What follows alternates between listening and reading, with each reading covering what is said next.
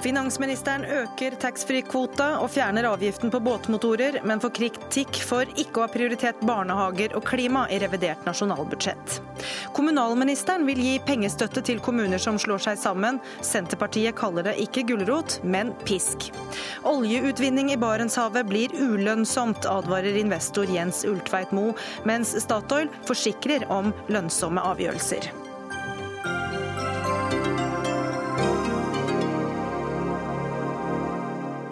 Slik lyder Dagsnytt 18-menyen i dag, hvor vi også serverer en aldri så liten debatt om ungdoms-OL på Lillehammer.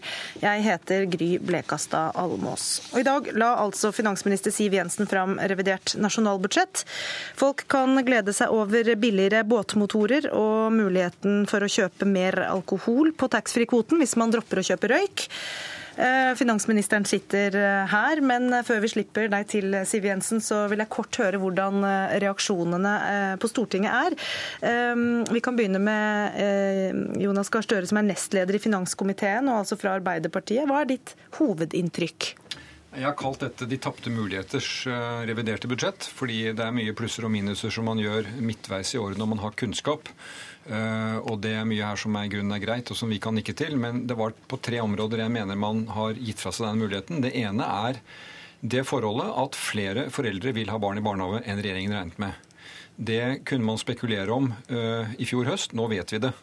Eh, at det er langt flere eh, enn det man hadde trodd. Og det er altså kuttet i kommunenes eh, barnehagepenger. Du skal få gå mer inn i det etterpå, hvis du bare kjapt tar de to er, andre. Det, det, er det ene som er alvorlig. Det andre er at uh, permitteringsreglene, som betyr at bedrifter får støtte til at de kan permittere framfor å si opp, de er ikke endret. Og det er alvorlig når bedriftene må si opp hvis de kunne permittere. Og det tredje som jeg mener er for beskjedent, er Syria. Vår tids store humanitære katastrofe. Der burde Stortinget kunne samlet seg om en milliard i humanitær hjelp. Og eh, for å si det sånn, dette er beskjedent det regjeringen kom med. De eh, bevilger vel like mye til Syria som det koster å få billigere poengsmotorer, og det er en dårlig sammenligning. Da tar vi Hans Olav Syversen, som er leder av finanskomiteen eh, for Kristelig Folkeparti, som kom rasende inn her litt på tampen. Hva er ditt hovedinntrykk, litt sånn kort til å begynne med her? Ja, For det første er det jo positivt at det går relativt godt i norsk økonomi. Det får vi absolutt være glad for så er det jo ikke så veldig mye revisjon som skjer. Men eh, vi skulle sett eh, at revisjonen hadde vært på litt andre områder enn det jeg har sett til nå.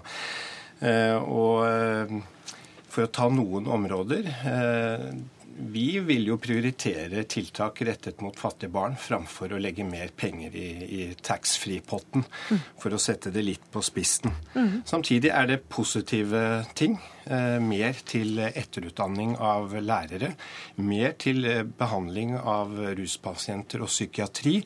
Det er positivt. Støre nevnte Syria. Ja, det ligger 166 millioner til Syria. Vi vil nok gjerne øke den, eh, den potten. Men okay. Eh, akkurat dette med tiltak mot barnefattigdom og barnehagesektoren, der tror jeg vi har en jobb å gjøre. Og Terje Breivik, du er finanspolitisk talsmann eh, for Venstre, altså det andre støttepartiet som Høyre og Fremskrittspartiet har i Stortinget. Hva er din hovedreaksjon på dette budsjettet? Venstre å kalle konstruktivt opposisjonsparti. Eh, nei, men Med tanke på at dette er, det er jo en revidering av et budsjett, Eh, med de avgrensninger i handlingsrom som det medfører, så er Venstre forundra over passiviteten i prioriteringene. Og da ikke minst på politikkområder som er særdeles viktige, som kunnskap, klima. Tar du kunnskap som døme, så gjør regjeringen rett nok et, et grep som kommer til å få helhjertet støtte fra Venstre. Styrke etter- og videreutdanningsordninger for lærere, som er, som er bra for grunnskolen. Men i realiteten så gjør de lite eller ingenting på høgskole- og universitetsnivå og inn mot forskning. Da skal du få slippe til finansminister Siv Jensen. Hva er du selv mest fornøyd med og har lagt fram i dag? For det første så er jeg mest fornøyd med at det går ganske bra i norsk økonomi. Vi har eh, gode vekstanslag, det er lav arbeidsledighet og høy sysselsetting. Og det er kanskje den beste nyheten for det norske folk, som gjør at de kan sove godt om natten. Så jeg vil jo si at det er mer som er bra i dette budsjettet enn at vi også har lykkes med å foreslå en, et bortfall av avgift på båtmotorer og en endring av taxfree-ordningen. Vi har altså gjort mer av det vi gjorde, eh, begynte på i budsjettet i høst. Vi styrker etter- og videreutdanningen av lærere. Vi øker uttransporteringen av ulovlige innvandrere. Vi satser på pakkeforløp for kreft. Eh, vi gjør andre tiltak, ikke minst rettet mot rus og psykiatri, som Syversen helt riktig påpeker. Og vi styrker også en del midler direkte rettet inn mot norsk næringsliv. Så vi har funnet rom for mange viktige og nødvendige tiltak, til tross for at dette er en budsjettrevisjon. Men så hører jeg jo på eh, de innspillene som kommer fra opposisjonen, at eh, de er jo ikke helt samlet. da. Dette tyder jo på at det er eh, tre partier som har litt ulike prioriteringer, og jeg skal kommentere på noe av det. Fordi jeg har hørt Arbeiderpartiet hele dag kritisere barnehager. Tapte muligheter snakker de om i den forbindelse. Ja, altså Jeg syns jo det er store ord fra Støre når han sier at dette er de tapte muligheters revisjon, når han egentlig bare har kritikk på tre områder. Eh, når det gjelder barnehager, så er det slik at vi erkjenner at den beregningsmetoden som har eh, vært brukt nå gjennom mange år, også under den tiden hvor Støre satt i regjering, ikke fungerer bra nok. Og Derfor har vi sagt at vi ønsker å sette oss ned med KS, som er kommunenes interesseorganisasjon, for å finne en bedre måte å beregne dette for fremtiden, slik at vi kan det, eh, korrigere for dette. Og det har vi tenkt å gjøre allerede i forbindelse med høstens budsjett. Så dette blir ryddet opp i. Men jeg tror det er en fordel å gjøre det i dialog med dem som har skoene på, og det er altså kommunene. Til... Men, men, men, la oss holde oss litt til ved barnehager. Altså Når du Støre kaller det for tapte muligheter, så er det vel ikke sånn at uh, Fremskrittspartiet skal drive arbeiderpartipolitikk? Jeg regner med at det ikke er det du uh, forventer? Drømmeland eksisterer ikke, programleder, så det er det ikke. Men, men hvem er det som har skoene på her? Det er foreldrene og barna som ikke får plass. Eh, jeg så byråden i Bergen fra Høyre med ansvar for barnehager sa i dag at man satset nå på at Stortinget ryddet opp på dette feltet. Fordi at det er en lovpålagt oppgave for kommunene å gi barnehageplass, slik at når pengene ikke kommer, så må de ta pengene fra et annet sted. Og da er jeg urolig for rus, psykiatri, eldreomsorg på en del eh, andre områder, at pengene må ta derfra. Slik at her har regjeringen gjort et valg. Vi øker kontantstøtten, da går barnehageplassene ned. Det er en antakelse man kan gjøre. Så viser at det ikke var tilfellet. Da er budsjettrevisjonen stedet man kan gjøre noe med det. Og så vil jeg bare si at, uh, til Siv Jensen at vekstanslagene, som hun sier. Dette er det mest ekspansive budsjettet vi har sett i bruk av offentlige kroner noen gang. De har samtidig kuttet i skattene for å få eh, veksten opp. Nå går skatteinngangen ned, og veksten er også på vei ned. slik at hele teorien for budsjettet, nemlig at skattelettelsen skulle være vekstfremmende, det har vi ennå ikke sett tegn på. Det jeg, har lyst til å prøve at vi bare holder oss til én ting av gangen. og for å, for å, si litt mer om barnehagene, Syversen, så var det jo Kristelig Folkeparti som, som initierte eh, økning i kontantstøtten, som da eh, disse beregningene Støre også viser til, ikke førte til at færre søkte om barnehageplass. Eh, men du nevner samtidig at du hadde ønsket at Siv Jensen her skulle funnet flere penger til barnehagene. Ja, er du ikke sjøl måte skyld i den situasjonen som er oppstått? da? Jeg tror jeg trenger å forklare hvordan dette har fungert. For Da forrige regjering endret kontantstøtten for ettåringer, så skjedde jo nettopp det at antall søkere til barnehage gikk ned. Det er samme modell som nåværende regjering har fulgt. Men når vi ser at modellen ikke stemmer med det som er faktiske forhold i kommunene, da bør vi eh, agere. Og Jeg er helt enig med Siv Jensen i at det bør man sette seg ned med KS og gjøre, men jeg tror vi også må erkjenne at pengene mangler nå. Og da eh, vil det få konsekvenser i Kommune-Norge dersom vi ikke gjør noe. For og da må vi spørre Siv Jensen om hvorfor, kan, hvorfor, finner du penger til uh, taxfree-kvoter og, og, båtmotorer, da, for å ta disse eksemplene, istedenfor barnehagebarna? Ja, jeg tror jeg skal minne om at kommuneøkonomien ble styrket i forbindelse med budsjettet i høst. Sånn at kommunene har fått mer penger, og de har fått vekst i de frie inntektene. Sånn at uh, jeg er litt uenig i utgangspunktet for dette. Men det betyr jo ikke at vi ikke må rydde opp i et, et feil beregningsgrunnlag som skaper noen utfordringer. Og sist, okay. det, jeg har lyst til å si det. Sist dette skapte utfordringer for kommunesektoren, så fikk de mer penger som følge av feilberegningen. Da satt de helt stille. Nå opplever de at det blir litt dyrere for de, og da klager de. Jeg tror vi må lage et system som står seg enten de får beholde, eller enten det går den ene eller den andre veien. og Derfor er det viktig at Så svaret ditt er system grunnlag. og ikke mer penger. Vi, vi tar neste punkt nå. Eh, Venstre eh, er opptatt av at klima eh, ikke får det som dere ønsker, Terje Breivik. Men samtidig så er det jo økte bevilgninger til Klimafondet i dette reviderte budsjettet. Hva mer er det du ønsker? Det er kjempebra at de fyller på Klimafondet med ytterligere 4,5 1,2 milliarder og legger på bordet en opptrappingsplan. Men Klimafondet er jo da et fond som det kun blir betalt avkastning ifra. Så det er ikke 4 milliarder direkte inn til klimatiltak, klimainvesteringer, men det er avkastning, meravkastning av de 4 milliardene, altså 4 av de. Eh, de kunne dømes ha fulgt opp eh, det som et samrøstet storting var enige om i budsjettet i høst, og var helt konkrete på å innføre en belønningsordning for gangsykkelstier i, i storbyene. Det nevner de rett nok verbalt i en tilleggsproposisjon i dag. Eh, som ville ha fått direkte, direkte, konsekvenser både på folks valgfridom i byene. Kunne valgt sykkel, og det hadde fått gjort noe med luftproblematikken i, i byene, som et typisk klimatiltak. Så, så, her ligger det jo åpenbare prioriteringer òg fra regjeringens side på hva, hva, de har valgt som har vært viktigst når de har har lagt revidert på bordet. Ja, og Vi har jo akkurat lagt bak oss eh, en helg hvor regjeringspartner Høyre har eh, svingt klimafanen relativt eh, høyt. Burde det ikke vært flere konkrete klimaprosjekter som fikk plass i dette budsjettet? Det er jo bred plass til klimaspørsmålet i revidert, til tross for at det er en revisjon. Jeg har lyst til å si at jeg er helt enig med Terje Breivik i at det er viktig å satse på gang- og sykkelstier. Det gjør regjeringen, og vi kommer til å gjøre mer av det i samarbeid med Kristelig Folkeparti og Venstre i tiden som kommer. Vi varsler også nå at vi kommer til å legge frem forslag om den grønne skattekommisjonen nå før sommeren. Vi varsler at vi kommer med en ordning for enøkfradrag for investeringer i egen bolig i budsjettet til høsten. Så vi er altså på gang. Men jeg tror ikke vi skal påregne å klare å løse alle klimautfordringene i en revisjon av et budsjett.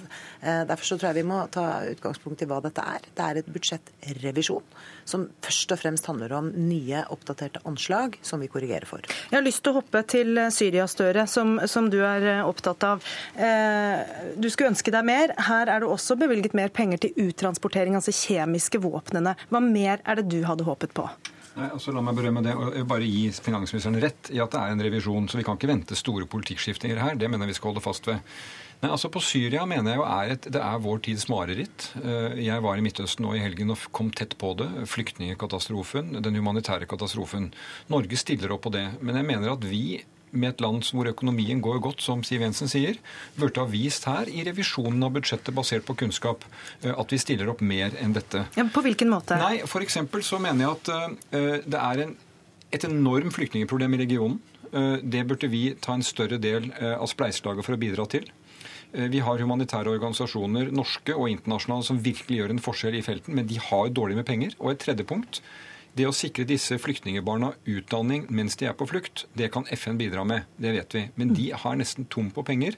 Der kunne Norge bidratt. Derfor har vår invitasjon vært å si en milliard til Syria, som Stortinget samler seg om, vil virkelig kunne gjøre en forskjell på disse områdene og være i tråd med det Norge bør kunne levere. Skulle du gjerne ha lagt de pengene på bordet? La meg si at Regjeringen er helt enig i at det vi nå ser i Syria er eh, fælt. Og at det er mange mennesker som trenger hjelp i sine nærområder for å få eh, livene i gang igjen. Men med de eh, tilleggsbevilgningene regjeringen kommer med i revidert, så har vi altså bevilget eh, nesten 700 millioner kroner til Syria i inneværende år.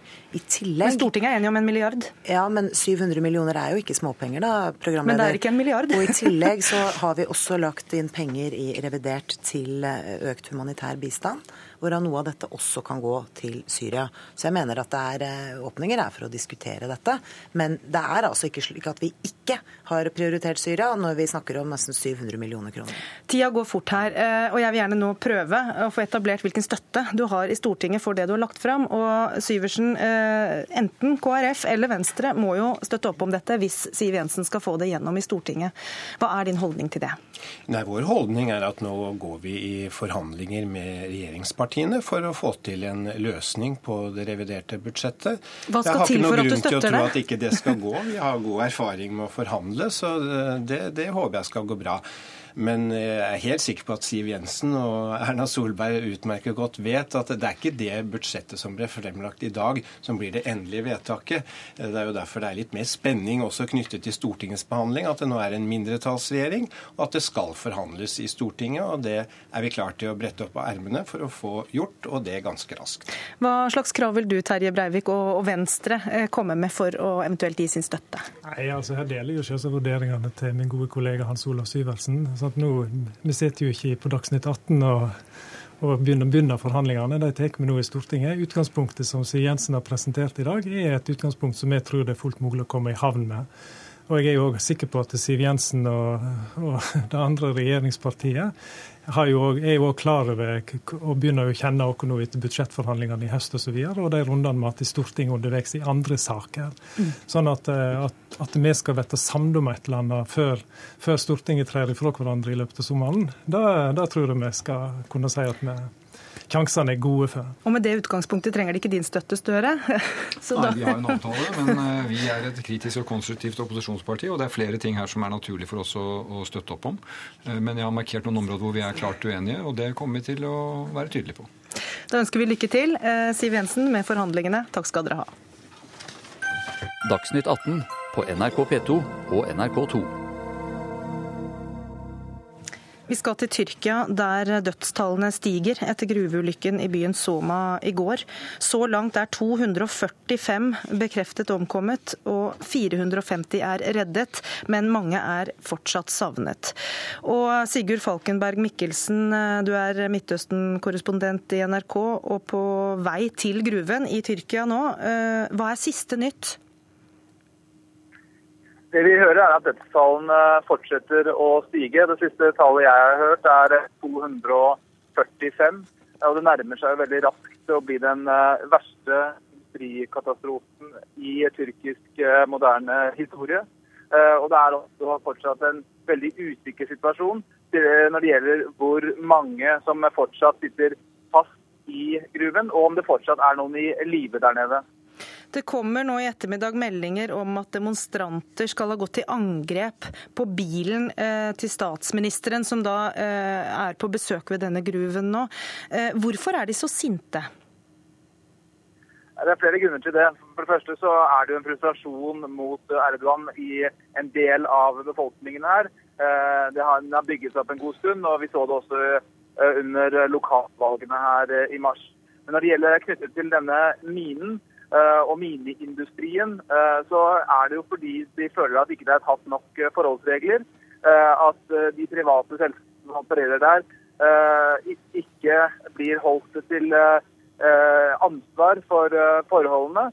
Og Erdogan ses da på som delansvarlig for det. Og Vi har sett demonstrasjoner over hele Tyrkia i dag. og Erdogan sier bil fikk jo unngjelde, som du var inne på. Så dette går også personlig utover statsministeren. Hva var det egentlig som skjedde? Det er ennå litt uklart akkurat eh, hva som har skjedd. Jeg har sett eh, flere forklaringer. Eh, men det som er sikkert, er at karbonmonoksid har spredt seg i gruven. At det ikke har vært noen ordentlig ventilasjon, og at mange har omkommet av, av det. Blitt kvalt.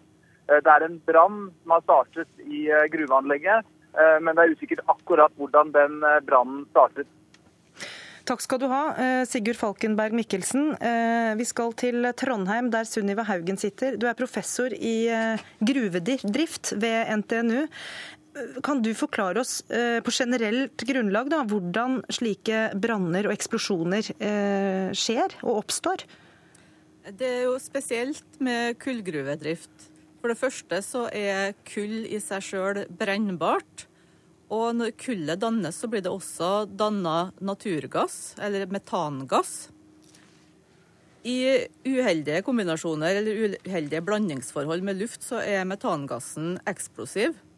Og Får du da tilført en åpen flamme eller en liten gnist, så kan denne metangassen eksplodere. Men vi hørte her om karbonmonoksid, eh, og at det kan ha kvalt eh, folk i gruven. Eh, hva kan du si om det? Ja, Det som hender da, om du får en metangasseksplosjon, eller om du får f.eks. en større eksplosjon i en maskin i gruva, at du virvler opp kullstøv som ligger på gulv og vegger i de her tunnelene. Og det her finfordelte kullstøvet blanda med luft er også eksplosivt.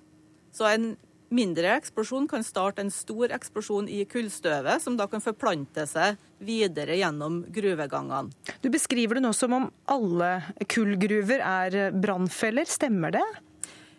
Alle kullgruver har brannfarlig kullstøv, og alle har metan i større eller mindre konsentrasjoner. Så du har ulike naturgitte risikofaktorer, og man har sikkerhetstiltak for å håndtere det her. Hva skjer eh, hvis man pumper oksygen ned i gruven i et sånt tilfelle, som er eh, en av de tingene som er beskrevet kan ha skjedd da i et forsøk på å redde de som eh, var fanget nede i gruven her, uten at det er bekreftet helt? Nå vil jeg tro at det man faktisk har gjort, at man har starta og holdt i gang ventilasjonssystemet i gruva.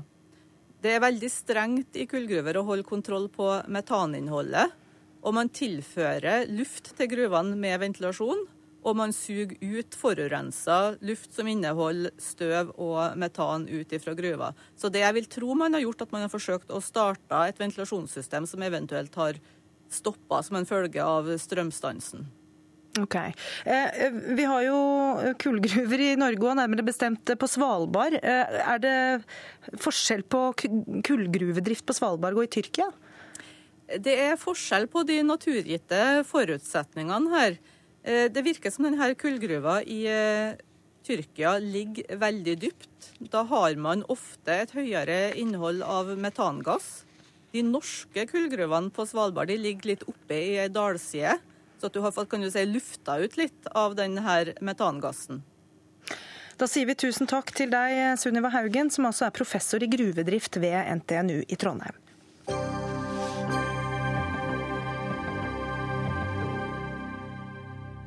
Kritikere går ut mot ungdoms-OL på Lillehammer, kaller det barneskirenn og mener det blir for dyrt. Det blir det debatt om litt senere i Dagsnytt 18. Eh, det var ikke bare revidert budsjett, men også kommunereformen som ble lagt fram eh, i dag. Regjeringen ønsker færre kommuner, og lokker bl.a. med mer penger til de som velger å slå seg sammen.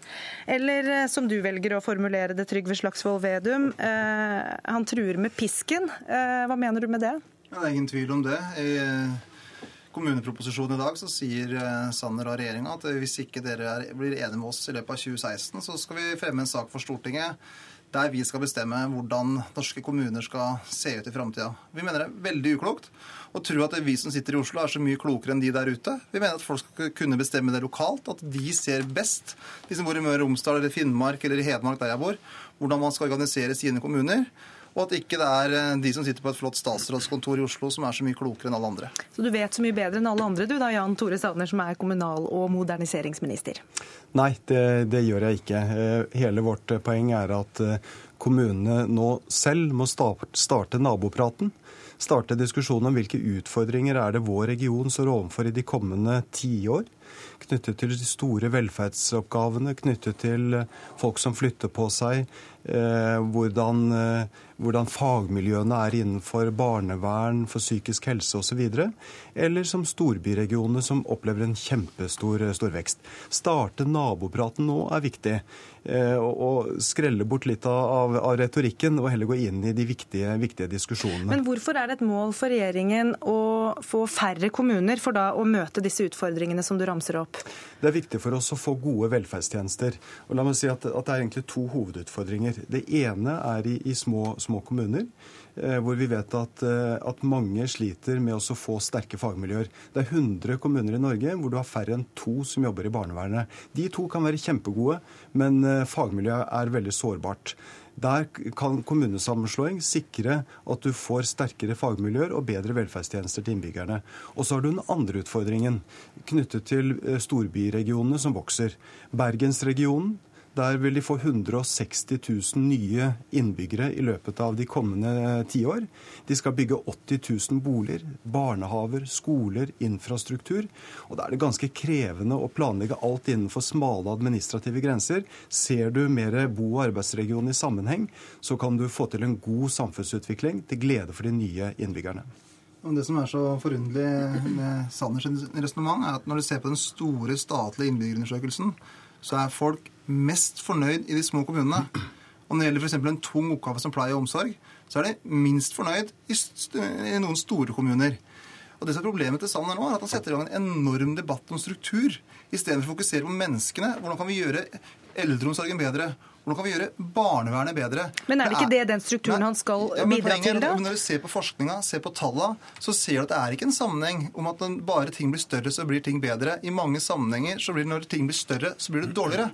Men du vil ha flere kommuner, da, eller? Nei, det, det- vil, nei, det mener jeg er ufornuftig.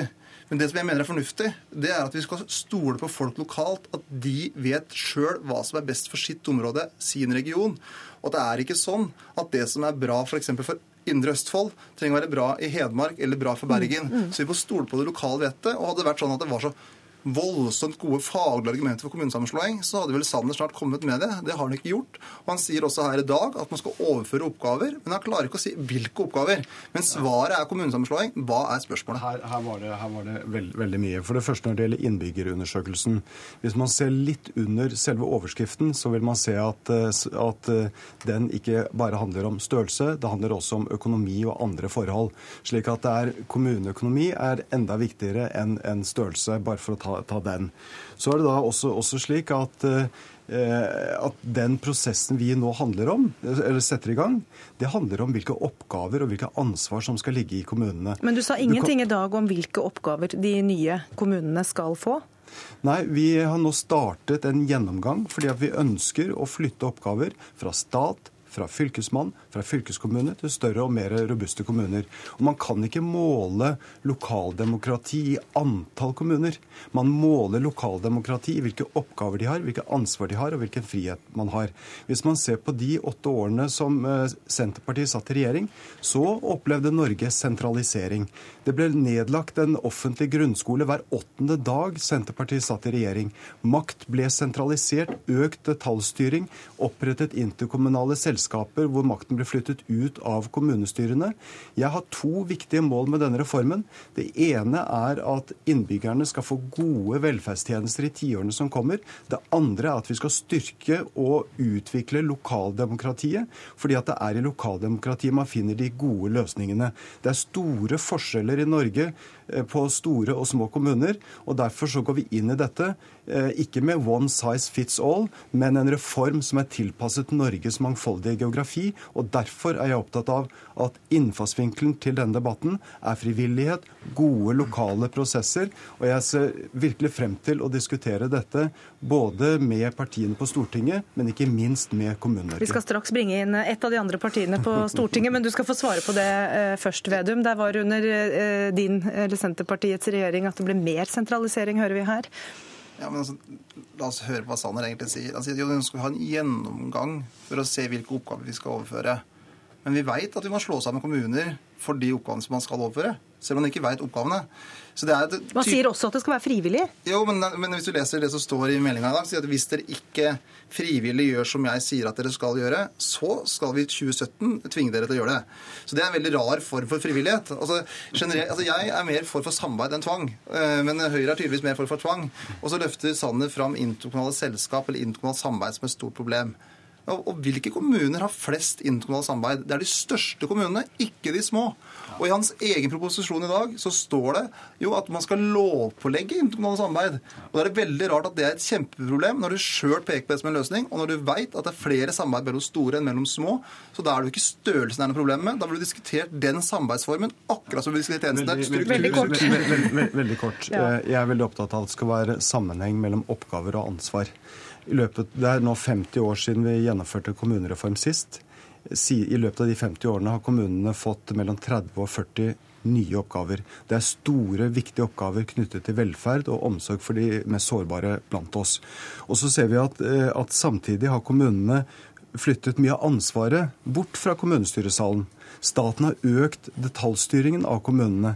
Jeg syns ikke at den utviklingen er positivt. Okay. Jeg vil at det skal være sammenheng mellom Skjønner. oppgaver og ansvar, stor frihet for kommunene, økt lokalt selvstyre. Nå skjønner vi at dere er uenige, men uh, Sanner, du har uh, sagt at du ønsker et bredt forlik på Stortinget uh, om dette. her, Og Helga Pedersen, som da er nestleder i Arbeiderpartiet, vil han få din støtte?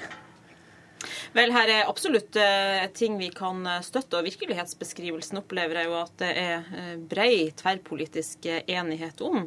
Når det gjelder de konkrete punktene, så er vi ikke for alt, vi er heller ikke mot alt. Og det skal vi ta stilling til i, i tur og orden i den videre behandlinga i Hva syns du er vanskelig her? Først begynne med det som, som, vi er positive til. og det er jo at I dag er det jo mange kommuner som sitter og diskuterer fremtidas struktur. Hvordan skal vi organisere oss nå? Jeg mener det er viktig å eh, oppmuntre til det. Vi mener det er behov for endringer i kommunestrukturen, og at eh, hovedregelen skal være frivillighet. Så Men færre kommuner er et mål også for dere? En kommunestruktur som er rusta til å gjennomføre fremtidas velferdsoppgaver samtidig som vi tar vare på lokaldemokratiet, det er ledestjerna for oss i dette arbeidet. Betyr det færre kommuner? Altså, hvis man skal gjøre endringer i kommunestrukturen, så betyr det at vi får færre kommuner i dag. Det er jo åpenbart. Eh, men, men, eh, jeg mener det er feil å gå inn i dette arbeidet med å tenke på et tall, enten det er antall innbyggere eller antall eh, eh, kommuner. Og Det opplever jeg også at det er ganske brei enighet om.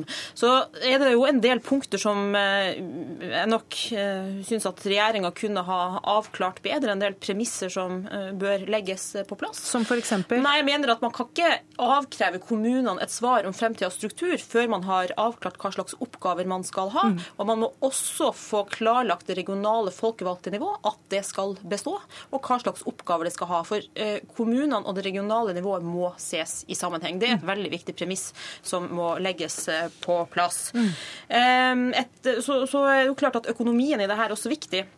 Jeg er jo enig i at det her ligger det kraftige økonomiske eh, stimulanser. Det er lite vesentlig nytt på økonomien. Inndelingstilskuddet eh, skal videreføres eh, som før. Det tok Arbeiderpartiet i sin tid initiativ til å styrke. Det endres ikke. Det er jo i og for seg bra. Det skulle bare mangle at man ikke betaler sammenslåingskostnadene for kommunen, og at man også dekker prosesskostnadene. Men der er det én ting som jeg har stussa veldig på. og det at for de de sammenslåingsobjektene der det er under 10 000 innbyggere, der skal man ikke dekke prosesskostnadene i det hele tatt. Så du ville hatt mer penger som uh, får kommunene til å ønske uh, å gjennomføre en slik sammenslåing? Hvis man, hvis, man, mener alvor med at her skal alle sette seg ned og, og, og se på hvordan man skal organisere seg i fremtida, så, jo, så kan man jo ikke ta utgangspunkt i at dem som tenker en struktur under 10 000 innbyggere, ikke skal få betalt for å tenke tankene. Vi skal snart høre hva kommunene i form av deres interesse interesseorganisasjon KS eh, syns om det hele. Men Sanner, du skal få lov til å svare på de tre utfordringene her. Altså eh, fylkeskommunalt nivå, for å ta det først. Vil det opprettholdes i din reform? Først vil jeg bare si at... Eh, Nei, Svar på det nå. Jo, jo, vi har ikke så ja, mye tid, skjønner du. Ja, på, på, det. Høyre og Fremskrittspartiet ønsker i utgangspunktet to nivå. Vi mener at det er tilstrekkelig med robuste kommuner og stat. Men samtidig så, eh, så er vi en mindretallsregjering, og derfor vil vi selvsagt også være lydhøre for Stortinget, og vi ønsker et samarbeid som er, er, er bredt. Så dere har ikke bestemt dere for om en fylkeskommunalt nivå skal fortsette? Eh, vi, jeg sier i, i, meldingen at vi ønsker å vurdere eh, fylkeskommunen etter at kommunereformen er gjennomført. Men etterpå, og der kommer jo også dette med hvilke oppgaver kommunene skal ha, inn eh, som et innspill fra Helga Pedersen her. Hvorfor kan man ikke etablere det først, før man går på strukturen? Jo da, eh, og det vil det også bli gjort. Eh, fordi at eh, vi legger frem nye oppgaver allerede neste vår. Og kommunene skal ta stilling til dette fra sommeren 2015 frem til sommeren 2016. Men jeg må bare få lov til å si at de signalene Arbeiderpartiet gir, synes jeg er veldig positive. Og selvsagt vil vi være uenige om, om, om noe. Og det er derfor jeg er så opptatt av at vi må ha bredt samarbeid, på samme måte som bredden i Stortinget har hatt om pensjonsreform og klimaforlik. Jeg vil gjerne slippe til Gunn Marit Helgesen, som da er styreleder i eh, KS. Um, ja, Dere skal jo representere alle kommuner, både de små, de store og de som ønsker sammenslåing og ikke. Hva sier dere i dag? Nei, Jeg syns det er eh, prisverdig at statsråden legger frem eh, en proposisjon til Stortinget hvor Stortinget får diskutert og eventuelt blitt enige om hovedelementene i en reform. Så er det faktisk positivt å konstatere at de de fleste av oss er enige om at det er nødvendig å gjøre noe. Mm. Og Det er et godt utgangspunkt. og Selv kommunene og fylkeskommunene er faktisk enig i at vi trenger å se på struktur og på en reform. Så jeg synes det er veldig bra at man blir konkret i forhold til en tidsplan. For jeg tror vi kan snakke om dette i 10-20 nye år uten at noe skjer, hvis ikke vi på en måte har en fremdriftsplan. og Det syns jeg er positivt at regjeringa har kommet med. Og så har vi også sagt at vi trenger økonomiske incitamenter. Det ligger også der. Så kan man diskutere hvorvidt det burde vært bedre eller litt annerledes, men det ligger tre modeller der. Jeg syns det er veldig prisverdig av statsråden å gjøre. Ja. Så er nok jeg eh, og kommunesektoren enige om at eh, når man skal diskutere oppgaver, så bør regionalt nivå inngå i den debatten. Fordi eh, det blir litt uavklart eh, for kommunene eh, hvor mye oppgaver kan man få på, på, skole eller andre områder som man kanskje ville vært tjent med å ha et regionalt nivå. Så, så, så vi, både kommuner og fylkeskommuner, mener at statsråden fortest mulig sammen med de andre partiene på Stortinget bør diskutere hvordan de tenker seg det regionale nivået. Og vi tror det ville vært ganske førende for videre prosess, og også for resultatet av en reform. Ja, hvorfor kan man ikke være tydeligere på det nå? Det, det, henger jo sammen med at eh, Høyre og Fremskrittspartiet i utgangspunktet ønsker to eh, nivå. Eh, men jeg har vært i Stortinget såpass lenge og har stor respekt for, for, Stortinget og samarbeid med andre partier. Så nå går partiene i Stortinget inn i en samtale om denne, denne viktige reformen. Og så håper jeg å få en klar marsjordre i, i juni om arbeidet videre med, med reformen. Jeg syns det er, danner et, danner et godt, godt grunnlag. Og her er det mange enkeltelement man kan diskutere. Eh, fordelen nå det er at de kommunene som ønsker å samarbeide, for, eksempel, for å ta et eksempel Tjøme, Nøtter og Tønsberg, de kan nå gå inn og se hva får vi dekket av engangskostnader, hva får vi i såkalt reformgave, og hvordan blir vår kommuneøkonomi i de kommende 20 år. Det betyr at de har en stor forutsigbarhet, eh, og det danner en trygghet. Og så må diskusjonen den må handle om velferdstjenestene, lokaldemokratiet, de økonomiske virkemidlene. De skal bare danne en trygghet i reformprosessen. Og da er det veldig viktig, Hvis det er lokaldemokratiet som er det viktige, at vi faktisk involverer folket den diskusjonen. Mm, og det har han jo også sagt at han skal gjøre. Ja, eller eller oppfordrer kommunene til å gjøre. Ja, og I dag så ligger det i proposisjonen at eh, bl.a. gjennom en slags spørreundersøkelsesmetode for Han syns at folkeavstemning kunne være litt krevende, så, så skal han stimulere penger til spørreundersøkelser. Det er veldig rart for en eh, valgminister å ha større okay. tro på det. Men, men, det som er det viktige, er at det også fylkeskommunalt nivå blir avklart. Hvis, det, det, har vi, det, har vi, fått men, etablert her. Det ønsker alle. Men, Sanner vil jo egentlig avskaffe det. og Derfor så kjører han det prosess på helt gærne premisser. for at det er et stort stortingsflertall for å ha et mellomnivå, for vi mener at det er mest effektivt og skaper minst byråkrati. Men jeg tror ikke vi kommer noe videre på akkurat eh, det punktet nå. Eh, jeg er rett og slett nødt til å avrunde, og så får vi heller ta diskusjonen på nytt. Det kommer vi sikkert til å gjøre. Tusen takk til Jan Tore Sanner, Gunn Marit eh, Helgesen, Trygve Slagsvold Vedum og Helga Pedersen. Da skal vi få inn vår politiske kommentator Lars Nehru Sand. Og hvordan vurderer du sjansene for å få til et bredt politisk eh, flertall for dette her, som Sanner ønsker? Han er i hvert fall avhengig av å få med seg Arbeiderpartiet, som vi hørte her. Og han eh, møter nå et ganske avventende storting. Eh, men hvis han manøvrerer ganske kløktig, så bør et eh, forlik være innen, eh, innen, rekkevidde. Det at man nå får et veldig konkret opplegg på bordet, vil nok også prege debatten. Eh, fordi man får noe nytt å debattere, og ikke bare på et abstrakt nivå hva vil en ny kommunestruktur si, men man får nå et, et konkret opplegg å debattere fra Sanner. Vi hører at Sanner snakker om frivillighet, mens, mens Slagsvold Vedum snakker om tvang. Eh, hvor frivillig blir denne kommunesammenslåingen? Ja, Det ansvaret skyver jo Sanner ganske elegant over på kommunene selv ved å si at frem til en viss frist så kan kommunene selv eh, på en måte avgjøre sin egen skjebne, for å si det sånn. Eh, mens på et gitt tidspunkt så vil staten kunne føle et behov for å skjære igjennom. Eh, og det grepet ved å også nå klargjøre økonomien og da sette en frist, det vil jo kunne eh, hva skal jeg si for noe, stimulere noen kommuner til å faktisk bestemme seg da, da, innen denne fristen, mm. når man ser den malt på, på, veggen. Men jeg tror det er åpenbart at det Risan har bak speilet frem til 2017, en gang må frem. Men eh, denne økonomiske gulroten, eh, hvordan vil den virke inn på kommuner som kanskje er litt skeptiske i utgangspunktet? Ja, den, eh, det vil nok slå litt ulikt inn hvilke kommuner den faktisk favoriserer og, og er så god og forutsigbar som Sanner gir inntrykk av i, i, studio her. Det tror jeg dessuten vi skal la kommunene eh, definere, og ikke Sanner hvor god den eh, økonomiske pakken er. Eh, men jeg tror det vi må huske på, at vi ofte i denne debatten snakker om de store og de små kommunene, men jeg tror det som vil vise seg når, når kommunene selv eh, utreder dette for, for hjelp av konsulenter osv., det er jo at diskusjonen mellom fattige fattig og rik kommune eh, vil være eh, mye vanskeligere å løse, også fordi beregningene vil vise litt ulikt om hvor lurt det er å, å slå sammen. Og Da snakker man ikke om tjenester og, og, kvaliteten på de, men rett og slett den økonomiske analysen av hvor bærekraftig den nye kommunen vil være. Og det, For hvem vil slå seg sammen med en nabo som har masse gjeld, hvis man sjøl er velholdig? Nettopp, og det er jo ikke alle som da er attraktive å slå seg sammen med, både ut ifra hvis man har masse gjeld, men også mange som har veldig masse inntekter og vil beholde det selv, fordi det er bedre å ha alle de inntektene på få innbyggere enn på, på enda flere. Og Vi vil ha noen eksempler hvor det er jeg tror Halden er et sånt eksempel, hvor den store kommunen er den fattige.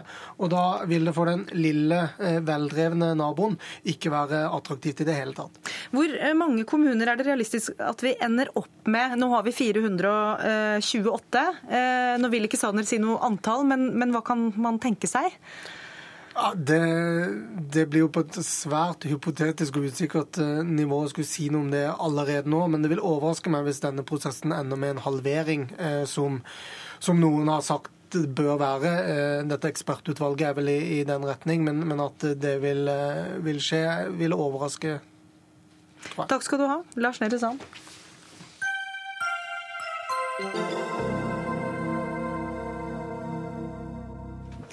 Å utvinne olje i Barentshavet troner øverst på lista over høyrisikoprosjekter for framtida i en rapport fra London-baserte Carbon Tracker Initiative.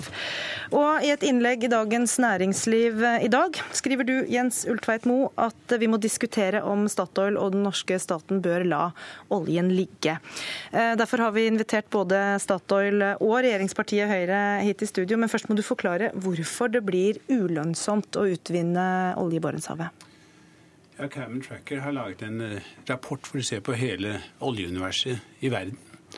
Basert på data fra norske Rystad Energy. Deres premiss er at hvis vi skal nå togradersmålet, så kan innen 2050 brenne 360 gigatonn med uh, den oljen som tilsvarer 360 gigatonn. Som altså, da gir tograders løsning. Ja. Uh, temperaturøkning. Så ser du på det volumet og sammenligner det med kostnadene av å produsere olje. Konkluderer da at hvis det koster mer enn 95 dollar å, å produsere oljen, eh, så er det uøkonomisk. Det er uøkonomisk enten fordi, da, fordi vi kan ikke brenne mer enn det. det Beskrankningen av hva vi kan brenne i atmosfæren. Eh, og eh, det blir da enten en kvote eller stopp. Og vi risikerer at den oljen som da er i Barentshavet, som de vurderer vil koste mer enn 95 dollar, blir liggende. Så det er altså hensynet til klima, for ikke å øke eh, temperaturen mer enn da, altså dette målet på to Hensyn grader? Til klima, ja. Mm. Og det fører til, eh, fører til eh, et tak på hva vi kan brenne. Uh, og, og, da er den oljen som det koster mer enn 95 dollar å produsere, blir da uøkonomisk og kan da ikke produseres. Hva sier da eh, Hege Marie Norheim, som er direktør for bærekraft i Statoil, eh, til denne analysen? Eh, den er veldig viktig, og veldig viktig å debattere. Så, så det er spennende. Det er, jeg har lyst til å nyansere litt, for det er jo fossil brensel man snakker om. Og det er veldig stor forskjell på fossil brensel, så det er viktig at vi nyanserer mellom kull og olje og gass. Den energien som på én energienhet som produseres på kull, så slippes det ut tre ganger så mye CO2 og klimagasser som på gass, og det er veldig viktig. Så men nå er det altså olje og gass vi snakker om? Ja, men, men ja. ja det, vil si det er olje vi snakker olje først og om. Gass er jo bedre enn olje. Altså Kull er verst, så Nettopp. olje, og så gass. Ja. Eh, jeg, jeg har, det er tre ting som er viktige i forhold til, i forhold til vår aktivitet i Barentshavet. da. Første er jo teknologi. Det er klart at Kostnadskurvene, eh, eh, kostnadsestimatene på hvor mye det koster å utvinne olje, det, eller gass eller kull for den saks skyld, det, det, varierer jo veldig mye. og Teknologiutvikling er jo nøkkel her, og det vet jo Ultveit Moe veldig godt, for han investerer jo i nettopp det, teknologiutvikling. Og Statoil har jo erfaring med eh, funn vi gjorde for 20 år siden, som har ligget i ti år men hvor vi måtte ha en teknologiutvikling for å kunne utvinne det. Så vi må, ikke, vi må, vi må ha en, fram, vi må ha en um, tilnærmelse til dette spørsmålet som satser på teknologiutvikling men, uansett. Men teknologi er jo én ting, og det, det andre, andre, er jo den klimatrusselen ja, vi står overfor, ja, som kanskje får konsekvenser da. Utgangspunktet vi diskuterer nå er hvis vi klarer å få til en politikk som tar oss mot et togradersmål, som vi alle er for, hva er konsekvensene for norsk olje og gass? Hva er konsekvensene for Barentshavet? Og da er altså teknologiutvikling, det må vi sørge for at vi har med i den ligningen. Det andre er at arktisk er ikke arktisk. Arktisk, Når vi snakker om utfordringer i Arktis, så snakker vi først og fremst om områder med is. Det har vi ikke i Barentshavet. Så Barentshavet er for oss omtrent Vi har boret over 100 brønner i Barentshavet. Vi har utviklet felt i Barentshavet. Dette er nok en brønn. Den ligner på den vi har i Norskehavet. Arktisk i Norge er ikke det vi snakker om i verdens arktisk-sammenheng, som er et, et, et, annet steg, en annen teknologi og en, og en mer krevende eh, sak. Men det er ikke Barentshavet. Og det tredje punktet mitt, jeg vil si, som er helt vesentlig i denne debatten, er jo oljeprisen. Og oljepris vil påvirkes isolert sett av klimareguleringer, og det er viktig. Men den vil også påvirkes av hva Kina gjør eh, i forhold til deres økonomiske utvikling og etterspørsel etter eh, energi. Den vil påvirkes av OPEC. Den vil påvirkes av om det er eh, ikke sant, Om leteresultatene de seneste årene fortsetter, så blir det mindre olje, osv. osv. I hvor så hva stor påvirker grad oljepris, er vanskelig. I hvor stor grad Ultveitmo, har du tatt hensyn til disse tre punktene når du da vil ha denne diskusjonen om å la oljen der ligge? Ja, grunndataene her kommer fra Rystad Energy, som er den anerkjente norske analytiske siden på dem. De anslår 95 dollar pluss på Arktis. Jeg observerer jo at felt som Stockmann, som jo er gass, ikke blir utbygget. Det er spørsmålstegn om Castberg med nokså marginale skatteforskjeller. Og det er helt riktig at Arktis er mye Det er ikke fare for isfjell der, men det er lange distanser. Det er eh, store sikkerhetskrav. Ehm, og anslaget da er jo at det vil bli dyrt. Hvis det blir vesentlig billigere, hvis Statoil kunne kunne utvikle det for 40-50 dollar, så blir det helt snudd. Poenget fra en investors side er jo tvilen på hva det vil bli, og risikoen ved en investering. Carbon Tracker har som mål å gi råd til investorer, og de mener at risikoen er, her er for stor. De og så er ditt poeng også at den som tar risikoen eh, i denne sammenheng, er jo norske skattebetalere i første eh, omgang, og ikke eh, Statoil f.eks. Presis. Så derfor så vil det være riktig å ha et annet skattesystem i Barentshavet enn vi har i resten. Det er helt greit Fordi risikoen er høyere? Ja, og risikoen skal, bør da bæres av de som tar den, eller som uh, bør da etter mitt syn ikke bæres av Norge. Den er for høy, etter mitt syn. Hvis det er private selskaper som vil bygge ut, uh, ha en vesentlig lavere skatterate, uh, men da får en større del overskuddet. vær så god hva meg angår. Mm. Vil Statoil eventuelt ta kostnadene ved uh, leting uh, selv, hvis uh, det da blir en endring av skattesystemet, slik Ultveit Moe ja, altså, kunne tenke seg? Jeg, jeg tror veldig få, veldig få, mennesker er klar over i Norge at stat Statoil betaler, alle oljeselskaper betaler 78% skatt i Norge. Eh, alle andre selskaper betaler 28 Vi har jo en veldig høy skatt, eh, og det har vi faktisk i nesten i alle land. Den er skrudd litt sammen forskjellig, fordi det er jo nasjonale ressurser vi utvinner som da kommer tilbake til folket. Ehm, men jeg tenker, at, eh, jeg tenker jo at det er viktig at vi bruker prismekanismer, og at vi bruker insentiver til å utvikle teknologi, teknologi og at vi bruker um, insentiver til at selskapene virkelig gjør riktige forutsetninger. Eh, og tar riktige beslutninger for seg selv, og dermed så blir det også best for, for samfunnet. Men jeg har litt lyst, bare mens vi er inne på dette her, å høre med regjeringspartiet Høyre. da. Tina Bru, du er petroleumstalskvinne og, og medlem av energi- og miljøkomiteen. Vil det være aktuelt å pålegge selskapene kostnaden ved denne risikoen da, eh, selv? Først og fremst har jeg lyst til å si at eh, Det er jo ikke Stortinget eller politikerne som skal bestemme hvorvidt et prosjekt er lønnsomt å investere i eller ikke. Det er det jo selskapene selv som må, må bestemme. Og jeg antar at oljeselskapene er like opptatt av lønnsomhet i prosjektene sine som det staten er. Og så er Det viktig å si at Det norske skatteregimet på petroleumssektoren det har tjent Norge svært godt. Eh, ja, altså vi bærer en del av eh, risikoen ved leting, men samtidig så forsyner vi oss også godt da, når man først finner noe og man begynner å utvinne. 78% som blir nevnt her. Så Det er jo ikke slik at eh, det er staten som bærer hele risikoen heller ved leting. Altså Vi bærer 78 i den fasen der, men samtidig så må jo oljeselskapene stille opp med resten. Det betyr f.eks. hvis du skal bore en brønn til 1 milliard, så er det selskapet selv som vil dekke ca. 200 millioner av den. Så jeg antar at de ville ikke gjort det hvis ikke de var sikre på at det var lønnsomhet også for dem å investere på den måten de gjør. Men når du hører, eh, ja, ikke Ultveit Moes eh, spådommer, men denne rapporten han viser til, og den risikoen eh, som det kan være da, å utvinne olje i Barentshavet, blir du litt nervøs da?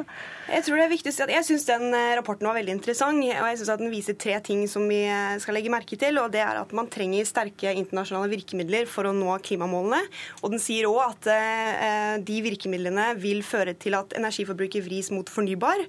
Men selv om det vris, så vil det fortsatt eh, innenfor togradersmålet være et betydelig behov for olje og gass for å dekke verdens økende energibehov. Faktisk hele 70, over 70 millioner fat daglig vil man trenge olje og gass.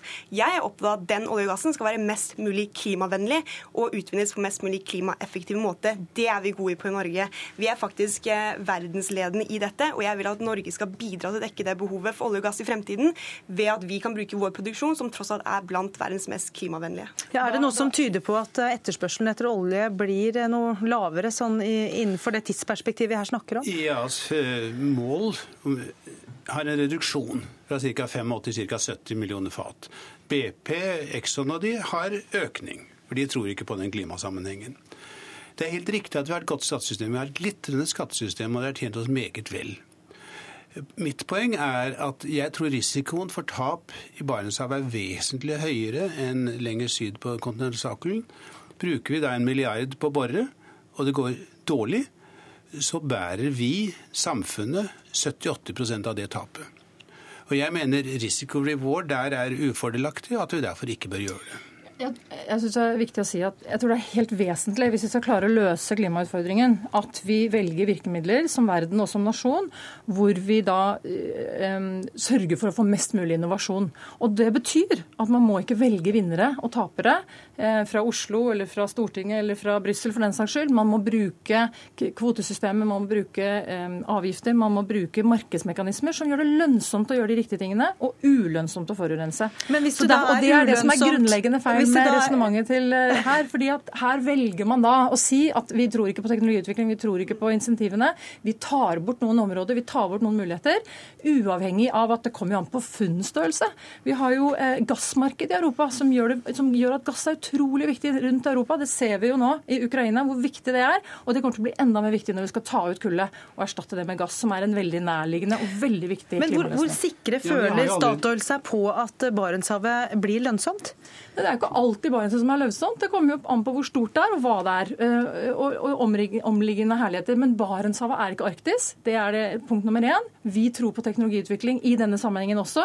Vi er veldig opptatt av kostnader, så det kjører vi eh, ordentlig hardt på. Og så har vi lyst til å få muligheten. Fordi, og for Nord-Norge sin del så har vi også lyst til å ha denne muligheten. Jeg observerer at det er et enormt gassfunn der. Stockmann. Det har vært der i flere år nå. Man trodde det skulle bygges ut. Kostnadsutviklingen i næringen oljenæringen har vært så høy at den bare ligger der. Stockmann ligger i Russland, og der er det en rekke andre forhold som også er ganske vesentlige på risikosiden, som, eh, som spiller inn. Helt enig i det, men ressursen er der, blir ikke bygget ut. Og min frykt er jo at teknologi Det har vært enorme teknologiskift. Norge har all grunn til å være enormt stolt av det. Allikevel er oljeproduksjonen vår halvparten av hva den var for ti år siden, og veldig mye dyrere. Så tar du trendlinjen, så vil jo, så, så vil jo gå rett gjennom 95 dollar svært raskt. Eh, så ille tror jeg ikke det er. Jeg tror det er mulig å kontrollere kostnadene. Men det er så krevende å produsere i Barentshavet at jeg ville håpe og gledelig overraske at det er under 500 dollar, men jeg tror det ikke. Diskusjonen er i hvert fall i gang. Vi må avslutte der. Jens Ultveit Mo, Tina Bru og Hege Marie Norheim fra Statoil, tusen takk skal dere ha. Hør Dagsnytt 18 når du vil. Radio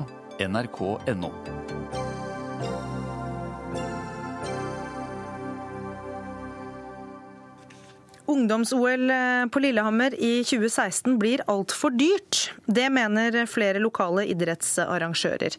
Bare administrasjonskostnadene kommer på nesten 100 millioner kroner, ifølge VG. Og Dag Winkvist, du har ansvaret for eh, et annet arrangement, nemlig junior-VM i alpint på Hafjell i 2015. Eh, og du er en av dem som har reagert. Hvorfor det? Ja, det stemmer. Jeg skal ha ansvaret for alpint i 2015 og sitte med et budsjett på ca. snaut 4 millioner kroner. Og det er et budsjett som egentlig er rimelig og bra for det vi skal utføre. Det er klart Det vi sliter med, er å se at tilsvarende arrangementer, kanskje i mindre størrelsesorden, kommer med sånne budsjetter som vi ikke kjenner eh, i rekkevidden av. Og vi stusser og klør oss litt i hodet på hva alle de penga skal gå til. Men det er vel ikke noe overraskelse at eh, et OL er dyrt, selv om vi her snakker ungdoms-OL? Jo, eh, jeg hører nå at det er, er 15 grener i et OL. Og hvis du tar da våre tall, da, som et alpint verdensmesterskap, som rommer ca. 300 deltakere Et eh, ungdoms-OL innbefatter 50 jenter og 65 gutter, som egentlig er lite per gren. Og ganger opp da summen vår, da, så er vi fortsatt på 50 millioner kroner. Men her snakker vi det tidobbelte. Ja. Bare i, i det budsjettet som Lillehammer ungdoms-OL har. Da skal vi høre med Magne Vikørn, som er kommunikasjonssjef i Lillehammer eh, 2016. Hvorfor trenger dere så mye penger? Jeg kan jo først og fremst bekrefte at ungdoms-OL er et stort og komplekst arrangement. Og ja, her er det masse penger det er snakk om. Eh, Og dette er jo da penger som et enstemmig storting og en samla idrettsbevegelse sto bak når en valgte at Norge skulle ta på seg ungdoms-OL eh, for tre år tilbake. Hva er det denne- totale budsjettet? Vi hørte at det var 100 millioner bare på administrasjonskostnader. 332 er det budsjettet vi opererer eh, ut ifra. I tillegg til det så blir det bygd en deltakerlandsby som IOC betaler 108 millioner for, som vil bety 360 nye studentboliger til Lillehammer-regionen. En arv eh, denne byen her ikke hadde fått hvis ikke det hadde vært for eh, ungdoms-OL. Men jeg skal forklare litt denne prislappen. Vi har forståelse for at dette blir det stilt eh, spørsmål til. Men prislappen den henger jo i hop med størrelsen og ikke minst kompleksiteten i et multisportsarrangement. Og der er nemlig nøkkeordet multisportsarrangement. Her skal det altså være 12 000 akkrediterte fra hele idrettsverdenen i sving. Og i løpet av ti dager så er det snakk om 70 ulike medaljeøvelser i til sammen de 15 sportsgrenene det er snakk om. Og det skal altså være aktivitet i tolv arenaer i fire arrangørbyer samtidig, hvis jeg er nå litt raus og gir Øyer eh, bystatus her. Eh, eh, og for å skape et lite bilde, da. Det skal altså være 9000 måltid om dagen. Jeg vet ikke hvor mange meter brødskive det er, men uh, bare de transportkostnadene vi har med de uh, over 170 000 eh, transportavgangene er nok den tilsvarende prislappen som, som Dag Vindquist her sier at han kunne arrangert OL for. Ja, Vinkvist, det er vel litt andre dimensjoner over dette enn et junior-VM i alpint, eller? Jo, de får, å- får oss til å tro det, men eh, jeg er ikke så helt enig i det. Det, det snakker om at det skal være 12 000 akkrediterte. Det innebærer alle som skal hjelpe til med arrangementet, alle deltakere osv. Jeg har jo vært på en del arrangement opp gjennom mange år og aldri sett et sånt volum noe sted. Og det er klart når vi snakker om et transportvolum på 15 millioner kroner, det er 15 000 kroner per mann på ti dager som skal flyttes innen en kommune. Jeg tror lengste avstand mellom arrangementene er ca. 20 km, så jeg, får ikke helt til å henge sammen. Kommentar til det, Vikørn? Nei, Først kan jeg ta et eh, kjapp eh, lynkurs i geografi. 20 km er vel eh, ikke akkurat avstanden mellom Øyer og Hamar. Det skal være full aktivitet her, altså i Gjøvik, Hamar, Lillehammer. Hunderfossen og da anlegget som du kjenner veldig godt i Hafjell. Men er transportkostnadene blåst opp litt? Transportkostnadene er, det er snakk om 177 000 avganger i løpet av ti dager. Nå har jeg ikke mastergrad i økonomi og er heller ikke god i hoderegning, så jeg skal ikke ta noe kjapt anslag der. Men her er det snakk om 12 000 personer som skal ha mat, de skal ha transport, arenaene skal utvikles eh, og oppgraderes, og ikke minst det kommer 2500 uh, unge frivillige som skal delta i dette. Det koster en del å flytte dette rundt. og bare helt uh, kort. Det er ikke unikt at den administrasjonskostnaden uh, uh, er på uh, ca. en tredjedel. Det viser erfaringene fra tilsvarende multisportsarrangement fra bl.a. Pan Am Games og Commonwealth Games. Vinkvist, du har også trukket inn eh, et eventuelt Oslo-OL i i 2022 i dette her. På hvilken måte? Nei, det er vel ikke jeg som har dratt inn det, men du kan si eh, det OL vi ungdoms-OL vi ser her, med den kostnadsramma, den går jo direkte i retning av 2022. Det er veldig viktig at dette blir levert på en ordentlig måte, slik at eh, Lillehammer står best rusta i neste runde mot 2022. Ja, så du mener at motivasjonen til å bruke mye penger på et ungdoms-OL er eh, at man kan tiltrekke seg et, eh, et større OL senere? Ja, definitivt. Og du kan si den dagen eh, Lillehammer ble tildelt ungdoms-OL, så var det ingen andre som var ute etter dette her. Det er per dags dato ingen som vil ha dette arrangementet internasjonalt. Vi rekker Vikørn en kort, Ja, sorry, siste- en kort siste- kommentar siste bare til Oslo. Eller? Siste påstanden kommer av at ingen vil ha dette er feil. Det var faktisk flere byer som ønska seg ungdoms-OL. Dette er et nytt, nytt prosjekt, og klart eh, interessen her satser vi på vil være økende. og Det tror vi at eh, vi skal få til her lokalt, i lag med våre gode arrangørkollegaer. Men er det, er det et eh, prosjekt som også vil kunne tjene en eh, OL-søknad eh, for 2022? Vår jobb er først og fremst å lage et ungdoms-OL basert eh, på de kostnadsrammene vi har fått fra et enstemmig storting. Så får andre vurdere eh, den innsatsen vår og resultatet hva vi får til. Jeg er litt okay. opptatt av at vi blir dømt kanskje etter vi er ferdig med lekene, og greit. ikke når det har hatt 640 dager. Vi får komme tilbake til det da. Takk skal dere ha. Ansvarlig for denne sendingen var eh, Alf Hartken, teknisk ansvarlig Karl Johan Rimstad. I studio Gry Blekastad Almås.